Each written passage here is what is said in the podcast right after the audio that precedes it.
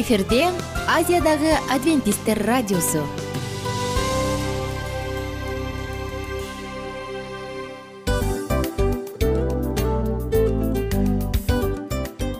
Достор салют. Баардык сүйүктүү угармандарыбызга салам айтабыз. Кутман күнүңүздөр менен.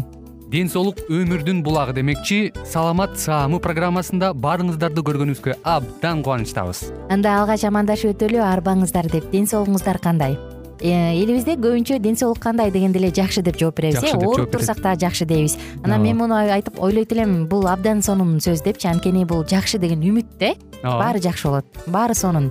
Деп үмүттөнүп атып эле өзүбүздү өзүбүз дарылап коебуз.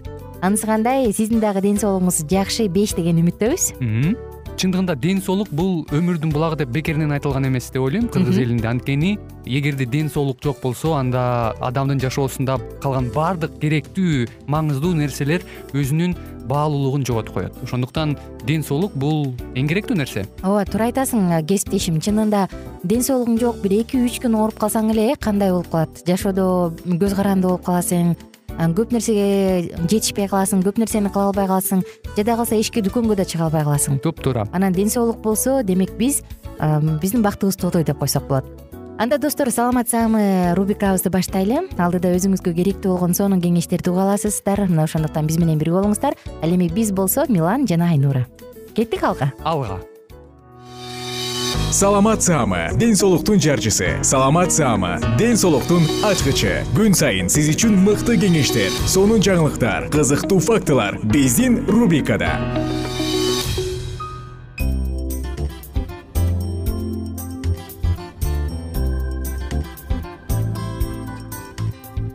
саламатсыздарбы достор? Жалпыңыздар менен биз саламат саама рубрикасын баштадык. Жана конокторубузду тааныштырсам инфекционист дарыгер эжекебиз токтогожоева алтын мусаевна дарыгер эпидемиолог агабыз казиев болгар казиевич. Саламатсыздарбы? Саламатсыздарбы. Анда биз дароо эле убактыбызды үнөмдөп баштайлы. Ичеги карын инфекциялары ичеги инфекцияларынын дарылоо жолдорун сөз кылып атканбыз. Антибиотиктер менен гана дарыланабы. Кандай кылып туура дарыланыш керек деп. Сөз сизде алтын мусаевна бул ооруларды антибиотик менен да дарылайт эгерде э, жана айтып кеткендей эле бактерия менен вызываться этилсе да чакырылса. Ал эми бактерия менен эмес условно патогенный деп коет э, аларды антибиотиги жок деле э, жанагы пищевой токсик инфекциянын дагы түрлөрү бар. Гастроэнтерит деп коет. Эгерде ичеги карындын онекели ичеги эле воспаляция этсе анда суу внутривенно эметип же болбосо оозунан суу берип эле анан айыктырып алса болот.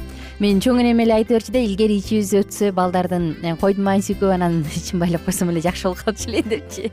Ичине бул ошо суук болсо суук тийген кезде болуш керек э? Ичине суук тийип калган болду да анан өзүң жана айтып кеткендей айылдагы балдар анча көп оорубайт анан бул жакта мен дагы бир баланы кабыл алып атсам ошо бабушкасы айтып атпайбы биз деген кашыкты да стерилизовать этип туруп анан тамак беребиз каяктан бул инфекция жугуп калды дейт да анан канчалык баланы таза кармаса дагы ооруп калат деп жана өзүңүз айтып кеткендегидей эле ал ошо кичине эле э, попадать этип калган э, микробко туруштук бере албай калат. Кей кез балдарчы ошон үчүн пат пат ооруп да калышы мүмкүн да.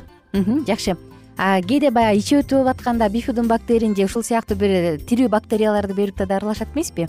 Бул жөнүндө кандай дейсиз ооба ошентип дагы дарылайбыз. Себеби дегенде э, жана антибиотикти бергенде дагы ошол өзүбүздүн живой бактерияларыбыз бар да ичек карында алар өзү негизи бизди коргоп турат ар кайсы инфекциядан. Ошолордун соотношениясы өзгөрүлүп кетсе дисбактериоз деп коет да. Анда дагы бирок анда интоксикация деп коет андай жок куспай температура ичи өтө бериши мүмкүн. Ошондой болуп бала баягы инфекциядан жаңы сакайып келатканда андан кийин үйгө чыгаргандан кийин он төрт күн диетада отуруп ошол баланы жакшы уход кылса анын ичеги карыны э, кырындылары восстанавливаться этип өз калыбына келет да. Ошол убакта дисбактериоз болбош үчүн пробиотик деп коет ошолорду биопрепараттарды кошуп жазып беребиз. Негизи эле антибиотик капельница же оозунан отбавить этишкен анан пробиотик берип койсо эле Э, ошондой ичек кары ооругандан арылышат ичеги ичеги өтүү жөнүндө сөз болуп калбадыкпы? Жана эфирден тышкарыда бир аз сөз кылып кеттик элек кээ бир адамдар сүт азыктарын ичсе дароо ичип өтөт кимдир бирөөнүкү баягы кымыздан өтүп кетет кимдир бирөөнүкү айрандан өтүп кетет эмеспи? Мында адамдын ичегисинин ичеги карынынын өзгөчөлүгү болобу же малдан дагы ушундай бир стафилококк сыяктуу оорулар жугушу мүмкүнбү же? жок бул ар бир адамдын өзүнүн эле кээде ошону непереносимость деп коет көтөрө албайт кайсы бир заттар организмде демек ал адам слабый болгонубу э же кишечнигинде кайсы бир заттардын жетпегенине байланыштуу деп эсептесек болот да ичип өтүп атканда баягы ичеги карындын кырындылары кетип калат эмеспи көпчү андан сырткары жанагы сүттөрдү ичкенде дагы ичи ооруп калат. Чисто кишечный инфекция болсо температура менен аны кусуп же болбосо э, пищевой отравлениянын белгисин берет же болбосо ичип өтүп жанагындай сальмонез дизентерия болуп калышы мүмкүн да. Андай да болушу мүмкүн. Себеби дегенде сметананы көпкө чейин эметсе тоже стафилококктор көбөйүп кетет да размножаться этип кетип ошондойду жеп алса сөзсүз түрдө анда жанагындай колитный форма деп коет э, антибиотикке нуждаться этип калат да. Жакшы. Ага чейин да бир суроо берип аткам оюман чыгып кетти азыр. Биз неме жанадан бери айтып атпайбызбы э антибиотиктер ал бул деп ичеги карындын ошол кырындыларын же флорасын баарын мындай чыңдап бекемдеп өзүбүз элечи анан ушундай ооруларга э, инфекцияларга туруштук бере алыш үчүн кандайдыр бир ыкмаларды көрө алабызбы ыкмалар эле ошо да мен жана айтып кетпедимби таза жүргөндөн башка э, гигиенадан тышкары. таза жууш керек анан өзүн дагы закаливать этиш керек деп коет. Негизи эле таза жууш керек да жакшы азыктарды азыктаныш керек жанагындай носитель болгондор дагы таратпагандай кылып аларды обследовать этип туруш керек дегендей. Жакшы. Анда мүмкүн кошумчалар бар болсо кошумчаларды айталы анан биз бул саатыбызды жыйынтыктайлы болгар казиевич может мүмкүн сизде бардыр? Э, кошумчалар боюнча жанагы бүт алтын мусаевна коллегам бүт баарын абдан жакшы маалымат берип кетти. Менде деле азыр кошумча жок жакшы. Демек урматтуу ата энелер жай мезгили жаз мезгили эрте күз болобу кеч күз болобу. Ушул учурда балаңыздын ичип өтө баштаган болсо биринчи алты саатта өтө аябай көп суу бериңиз ысык суу э?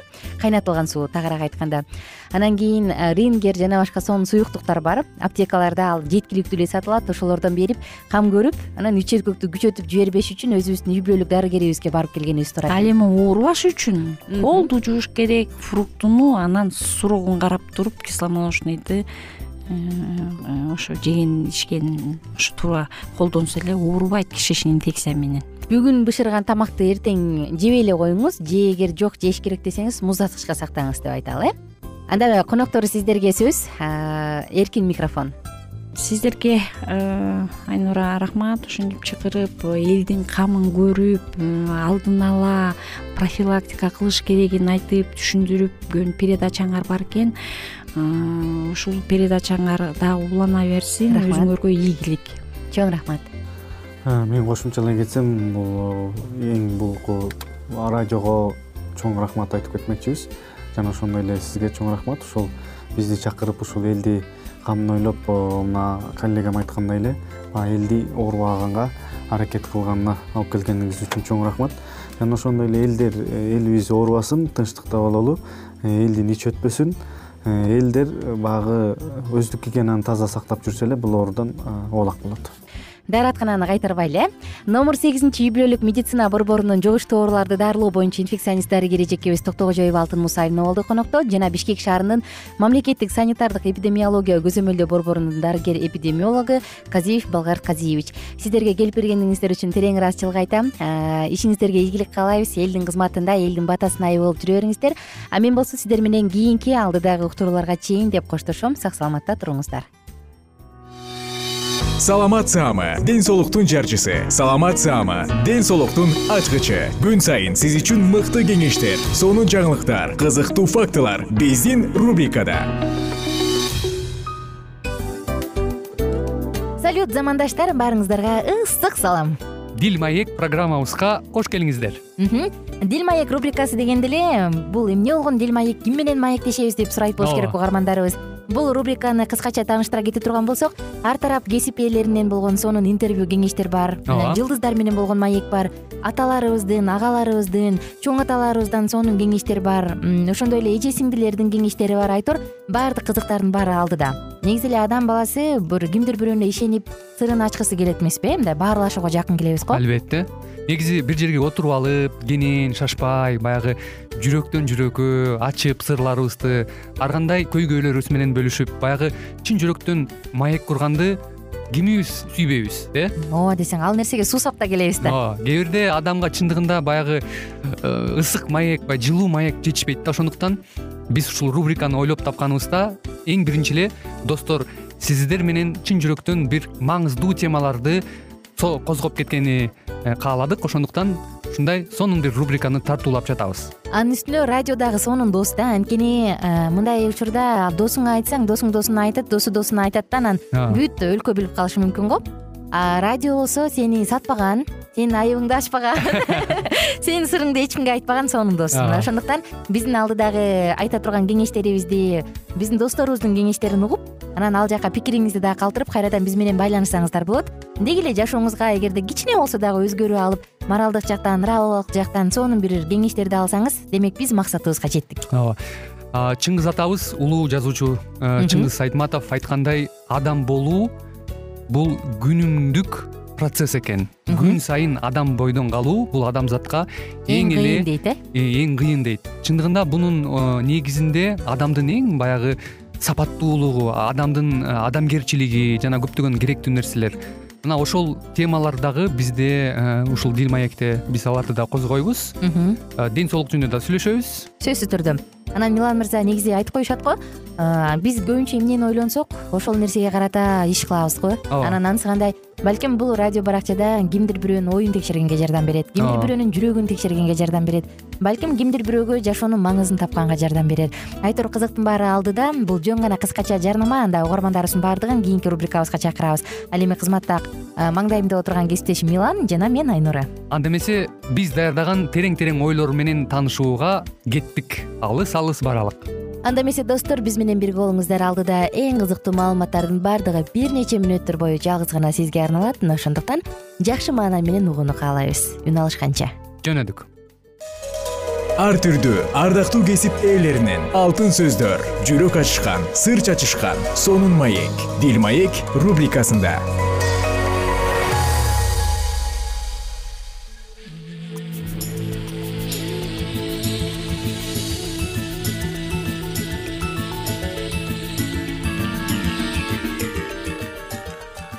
саламатсыздарбы урматтуу радио угуучуларыбыз кайрадан эле сиздер менен биргеликте бактылуу никенин баалуу эрежелери аттуу программабызды баштайбыз. Бүгүнкү уктуруубузда ардактуу радио каармандар он жашар баланын атасына жазган каты туурасында баяндап бермекчибиз. Андыктан бүгүнкү уктурууда биздин оодон алыстабай биз менен биргеликте калыңыздар. Кызматта кайрадан микрофондо аты жөнүм улан кубанычбеков жана ошондой эле менин кесиптешим саламатсыңарбы жана мен асель мамбетова. Алгач каттын башында жаш өспүрүм мындай деп баяндайт менин сүйүктүү баатырым. Менин сүйүктүү баатырым человек паук. Ал сыяктуу крутой болуп кылмышкерлерди кармап асманда учкум келет. Бул кинону күн сайын көрөм. Жакында эле өзүм супер баатырдын баласы экенимди билдим. Жакшы окуганым менен сөз укпаган тентекмин. Сабактан чыгып куба жама жана арс төртөөбүз жүрө беребиз. Үйгө кеч барам. Апам кабатыр болуп сыртта турган болот. Урушпайт келгениме сүйүнүп дароо тамагын ысытат. Мектептен формамды бир күн кием ушунчалык кир деп калат дейсиңер. Экинчи ирет кийгенге жарабайт апам жууп коет. Карындашым бар ал кичинекей эч нерсе түшүнбөйт. Атам жумуштан түндө келет үйгө кирип эле апамдан баары тынчпы? деп сурайт. Атам биз менен көп ойнобойт отурганда чуркап келип байкабай жонуна жабышсаң ии ооруп кетти балам. Антпей жүрчү дейт. Дайыма биз уктап калганда келет. Бизди жаман көрөт окшойт. Таенем ооруп калыптыр. Апам менен карындашым аны көргөнү кетти. Атам мени үйдө жалгыз таштагандан коркту окшойт. Биринчи жолу жумушуна алып алды. Атамды бир кабинетте отуруп иштейт экен десем цемент кирпич чыгарган заводдун жумушчусу экен. Алгач бир кичинекей бөлмөгө кирип кийимдерин кир чаң жыртык башка кийимдерге алмаштырды. Мага ойной бер бирок алыс кетпе деди. Атам кабинетте иштебейт экен деп көңүлүм түшүп калган. Ойногум келген жок сыртта бир стул бар экен ошого барып отурдум атам жолуна эки каптан цемент коюп камазга ташып баштады. Тери куюлуп жатты. Эс алган жок. Кайра колуна жыйырма кирпичтен жыйып алып экинчи камазга ташып кирди. Мени карап кол булгалап жылмайып коет. Түшкү тамактануу болду. Бир аял келип жумушчуларга бир чыны шорпо анан эки кесим нан таратты. Атам түртүшүп кезекке туруп тамагын алып мени көздөй келди. Иче кой чарчадың го? деп мага сунду. Өзү бир сындырым нан жеп алды. Бир киши келип бүгүн бул каптардын баарын жүктөгүлө деп жумушчуларды бакырып урушту. Атам эми жонуна үч кап цементти коюп ташый баштады. Буттары титиреп жыгылайын деп барып туруп кетти. Көрсө жону чын эле ооруган турбайбы. Байкатпай келип секирбей эле койсом болмок экен дедим. Түндө жолго чыктык. Унчукпай жанында басып келаттым. Ата эртеңден баштап мен сага жардам берип иштейм дедим. Атам дароо токтоп калып маңдайыма тизелеп отуруп көзүмө карап балам мен сенин атаңдай болуп цемент ташып иштегениңди каалабайм. Карындашың экөөң окуп мен бара албаган башка өлкөлөрдү көрүп чоң адам болуп чоңоюшуңарды кудайдан тилеймин. Билесиңби балам мен убагында окуйм десем чоң атаң болбой койгон. Ошондо мен балдарым сөзсүз билимдүү болот деп өзүмө сөз бергем. Балам бул кургур кара күч бир күнү кетет ал эми билим өмүр бою сени менен калат. Балам билимдүү илимдүү болсоң кыйналбайсың курсагыңда ток болот. Мектептен жакшы окуганыңды билем дайыма сени менен сыймыктанам. Кээде силерге жетиштүү убакыт бөлө албай калам. Бирок атаң силерди жакшы көрөт балам. Муну унутпа силер үчүн баарына даярмын. А сен акылдуу болуп мен жокто апаң менен карындашыңа кааралашып тур. Макулбу акырын башымды ийкеп атамды катуу кучактап ыйлап кирдим. Атам да мени кучактап ыйлады. Эртеси күнү мектепте. Кеттик балдар куба бир сонун жер таптым деди. Мен барбайм үйгө кетем вай эмне болду? Кеттик бас жок апам менен карындашым жалгыз. Аларга жардам беришим керек. Эртең тест болот ага да даярданам. Мен кеттим деп үйүнө кетти. Биздин кичинекей досубуз. Урматтуу радио каармандарыбыз жогоруда айтылган он жашар баланын атасына жазган каты ар бирибизди ойго салбай койбойт.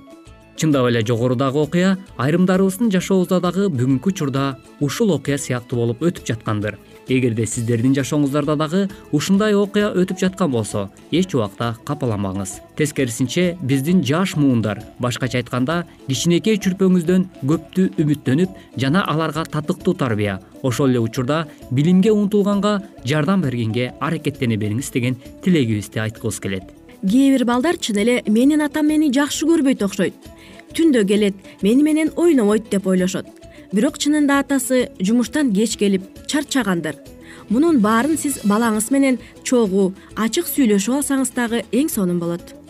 Сөзсүз түрдө чындап эле биздин балдар биз балдарыбызды кандай эмгек менен аларга кам көрүп жатканыбызды эмне жумуш менен алек болуп атканыбызды кээ бирде бөлүшө турбасак кээде биз балдарыбызга ушул жумушубуз туурасында айтып бербесек негизи эле биз ушул балдарыбызга кам көрүүдө э, кандай кыйынчылык менен акча каражатын таап жатканыбызды балдарыбызга толук түшүндүрүп алар менен мамиле кылбай турган болсок мына кээде ушинтип балдарыбызга жогорудагы окуядагыдай мени атам эч убакта ойлобойт. Же болбосо мени менен атам такыр эле ойнобойт. Мага көңүл бургусу келбейт э, деген сыяктуу ойлорго өзүбүз түртүп койгон болот экенбиз. Андыктан аталар жана апалар баардыгыбызга эле тиешелүү сөзсүз түрдө биз балдарыбызга өзүбүздүн кылып жаткан ишибиз туурасында дагы маалымат берип турганыбыз абдан маанилүү болуп саналат экен балким силер дагы өз балдарыңар менен жумушуңарга барып бир күн ошол жерде э, чогуу жүрүп э, баарын көрсөтүп берсеңер дагы бул түшүнүктүүрөөк болот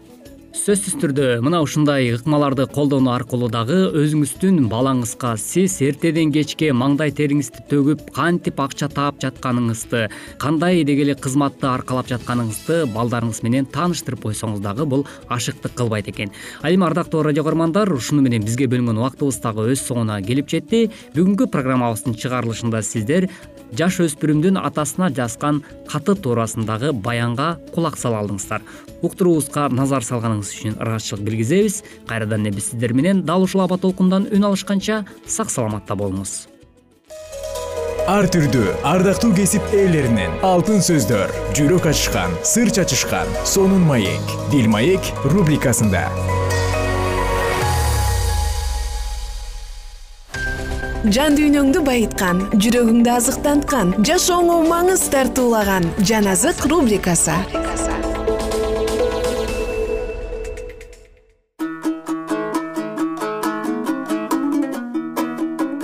кутмандуу күнүңүздөр менен достор. Арбаңыздар. Жалпы кыргыз жерин ала тообузду мекендеген кыргыз элим. Сиздер менен бирге жан азык уктуруусунда забур китебин окууну улантабыз. Биз менен бирге болуңуздар. Алдыдагы мүнөттөр жашооңуздун ар бир учурунда жардам берген сонун эсте калаарлык мүнөттөрдөн болсун. Жүз он жетинчи забур. Улантабыз алтынчы аяттан ары. Теңир мени менен мен коркпойм. Адам мага эмне кыла алат теңир менин жардам берүүчүм. Душмандарымды жалтанбай карайм. Адамдан үмүттөнгөндөн көрө теңирге таянган жакшы. Төрөлөрдөн үмүттөнгөндөн көрө теңирге таянган жакшы. Бардык элдер мени курчап алышты бирок мен аларды теңирдин ысымы менен талкаладым. Мени тегеректеп курчап алышты бирок мен аларды теңирдин ысымы менен талкаладым. Алар мени аарыдай курчап алышты бирок алар тикене күйүп өчкөндөй өчүштү мен аларды теңирдин ысымы менен талкаладым алар мени жыгыш үчүн катуу түртүштү. Бирок теңир мага жардам берди. Теңир менин күчүм жана ырым ал менин куткарылуум болуп калды. Куткарылуунун жана кубанычтын үнү адил адамдардын үйүндө теңирдин оң колу күчүн көрсөттү. Теңирдин оң колу бийик теңирдин оң колу күчүн көрсөттү мен өлбөйм жашай берем. Теңирдин иштерин жарыя кыла берем. Теңир мени катуу жазалады бирок өлүмгө кыйган жок. Мага чындыктын дарбазаларын ачкыла. Мен алар аркылуу кирип теңирди даңктайм. Бул дарбазалар теңирдики. Адил адамдар алар аркылуу киришет. Мени угуп куткарганың үчүн сени даңктайм. Куруучулар жаратпай койгон таш бурчтун негизи болуп калды бул теңирден. Бул биз үчүн таң калаарлык. Бул күндү кудай жараткан. Бул күнү кубаналы көңүлүбүздү көтөрөлү. О теңир куткара көр. О теңир бизге ийгилик бере көр.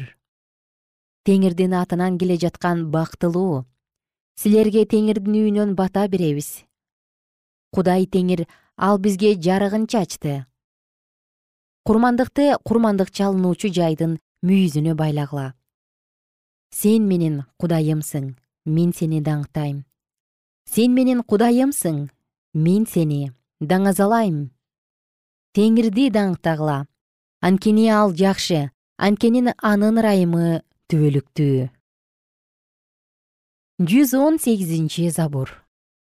Туура жолдо жүргөндөр теңирдин мыйзамын сактагандар бактылуу анын мыйзамдарын сактагандар аны чын жүрөгү менен издегендер бактылуу. Алар мыйзамсыз иштерди кылышпайт анын жолдору менен жүрүшөт.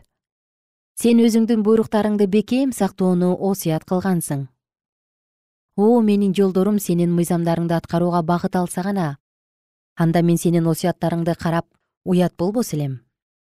Мен сенин адилет мыйзамдарыңды үйрөнүп сени таза жүрөгүм менен даңктаар элем сенин көрсөтмөлөрүңдү сактайм. Мени таптакыр таштап койбо. Жаш жигит өз жолун канткенде таза сактап жүрө алат. Өзүн сенин сөзүң боюнча сактаганда гана. Сени бүт жүрөгүм менен издейм. Өзүңдүн осуяттарыңдан четтеп кетүүмө жол бербе. Сенин алдыңда күнөө кылбаш үчүн мен сенин сөзүңдү жүрөгүмө катып алдым. Теңир сага даңк. Мага өз мыйзамдарыңды үйрөт сенин оозуңдан чыккан өкүмдөрүңдүн баарын өз оозум менен жар салдым. Мен сенин осуяттарыңды аткарганда ар кандай байлыкка кубангандардай кубанам. Сенин осуяттарың жөнүндө ойлоном сенин жолдоруңа назар салам. Сенин көрсөтмөлөрүң менен соороном. Сенин сөздөрүңдү эсимден чыгарбайм. Сенин сөздөрүңдү сактап жашашым үчүн өз кулуңа ырайымыңды көрсөт. Сенин мыйзамыңдын кереметтерин көрүшүм үчүн менин көздөрүмдү ач. Мен жер үстүндө келгинмин. Менден өзүңдүн осуяттарыңды жашырба. Ар убакта сенин мыйзамдарыңды эңсегендиктен жаным кыйналып бүттү. Сен текеберлерди каргыш тийгендерди өзүңдүн осуяттарыңдан баш тарткандарды моюн сундурдуң. Мени шылдың менен кордуктан куткаарчы анткени мен сенин осуяттарыңды сактап жүрөм. Төрөлөр отуруп алып мага каршы сүйлөшүп жатышат сенин кулуң болсо сенин мыйзамдарың жөнүндө ойлонуп жатат. Сенин осуяттарың менин сооронучум менин кеңешчилерим. Жаным топуракка матырылды. Мени өзүңдүн сөзүң менен тирилт мен өз жолдорум жөнүндө айтып бердим. Сен мени уктуң. Мага өзүңдүн мыйзамдарыңды үйрөт. Мага өзүңдүн буйруктарыңдын жолун түшүнүүгө акыл бер. Ошондо мен сенин кереметтериң жөнүндө ой жүгүртөм менин жаным кайгыдан алысырап бара жатат. Мага өзүңдүн сөзүң менен күч бер. Мени жалган жолдон алыстат. Мага өз мыйзамыңды бер. Мен чындык жолун тандап алдым. Сенин мыйзамдарыңды өзүмдүн алдыма койдум. Мен сенин осуяттарыңа жабыштым. Теңир мени уятка калтырба. Сен менин жүрөгүмдү кенен ачканда мен сенин осуяттарыңдын жолдору менен жүрөм. Мага өз мыйзамдарыңдын жолун көрсөт. Теңир ошондо мен сенин мыйзамдарыңды өмүрүмдүн аягына чейин сактайм. Мени акылга келтир ошондо мен сенин мыйзамыңды сактайм. Аны бүт жүрөгүм менен аткарам. Мени осуяттарыңдын чыйыр жолуна сал. Анткени мен ошол жолду каагалайм менин жүрөгүмдү дүнүйө кордукка эмес өзүңдүн осуяттарыңа бур. Курулай убаракерчиликтен көзүмдү бур өз жолуңда жүрүүгө күч бер. Сенден коркуш үчүн өз кулуңдан жүрөгүндө өз сөзүңдү бекемде. Мени өзүм коркуп жаткан кордуктан куткар. Анткени сенин өкүмдөрүң жакшы.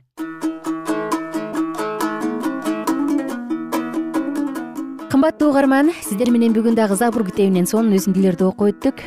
Жогоруда окуп өткөндөй эле күнөө кетирбешим үчүн жүрөгүмдү өз сөзүмө сактап алдым дейт дөөт пайгамбар анысы кандай? Сиздин жүрөгүңүздө дагы жараткандын сөзү болсун. Жолуңуз дайыма адилеттүүлөрдүн жолунда жолдош болсун. Кайрадан жалпыңыздар менен амандашканча сак саламатта туруңуздар. Жараткандын ырайымы сиз менен бирге болсун.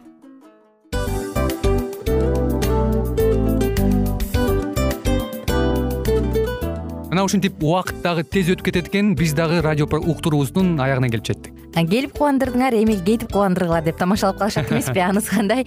Радио баракчабызды программабызды азыр эле баштап аткандай болдук элек. Мына соңуна келдик э? Негизи убакыт э, билинбей өтүп кетет экен? Мен дагы э, убакыт дегенде бүгүн бир адам менен сүйлөшүп калдым. Анан убакыт бул мүмкүнчүлүк деп айтып өзүмө өзүм айтып алып анан мага өзүмө эле кайра ачылыш болду да чын эле. Э, карап отурсаң ошол эле жыйырма төрт саат ошол эле жарым саат кайталанып атат бирок сендеги мүмкүнчүлүк жок ошол кой берилип кетти? Анысы кандай? Бүгүнкү сонун убактыңызды алтындай болгон жарым саатыңызды бизге бөлүп арнаганыңыз үчүн ыраазычылык айтабыз. Анан жашооңуздун кайсы бир сферасын өзгөртө турган сонун пайдалуу кеңеш алган болсоңуз анда биз максатыбызга жеттик. Анан ушул нерсени кылбасам десеңиз ошол өзгөрүүлөрдү кичинекей кадамдардан баштап иш жүзүнө ашырыңыз дагы жашооңузда чоң чоң ийгиликтерге жетиңиздер. Чын жүрөктөн ар бир берилген кеңештер сөздөр сиздерге пайдасын алып келет деп ишенебиз. Жана кийинки уктурууларда сөзсүз түрдө чыдамсыздык менен сиздерди күтөбүз сагынычтуу салам айтып кайрадан дал ушул жыштыктан баардыгыңыздарды тосуп алганча кызматта мен айнура жана кесиптешим милан. Анда кол пул каалайбыз жалпыңыздарга ийгиликтүү күн. Саламатта калыңыздар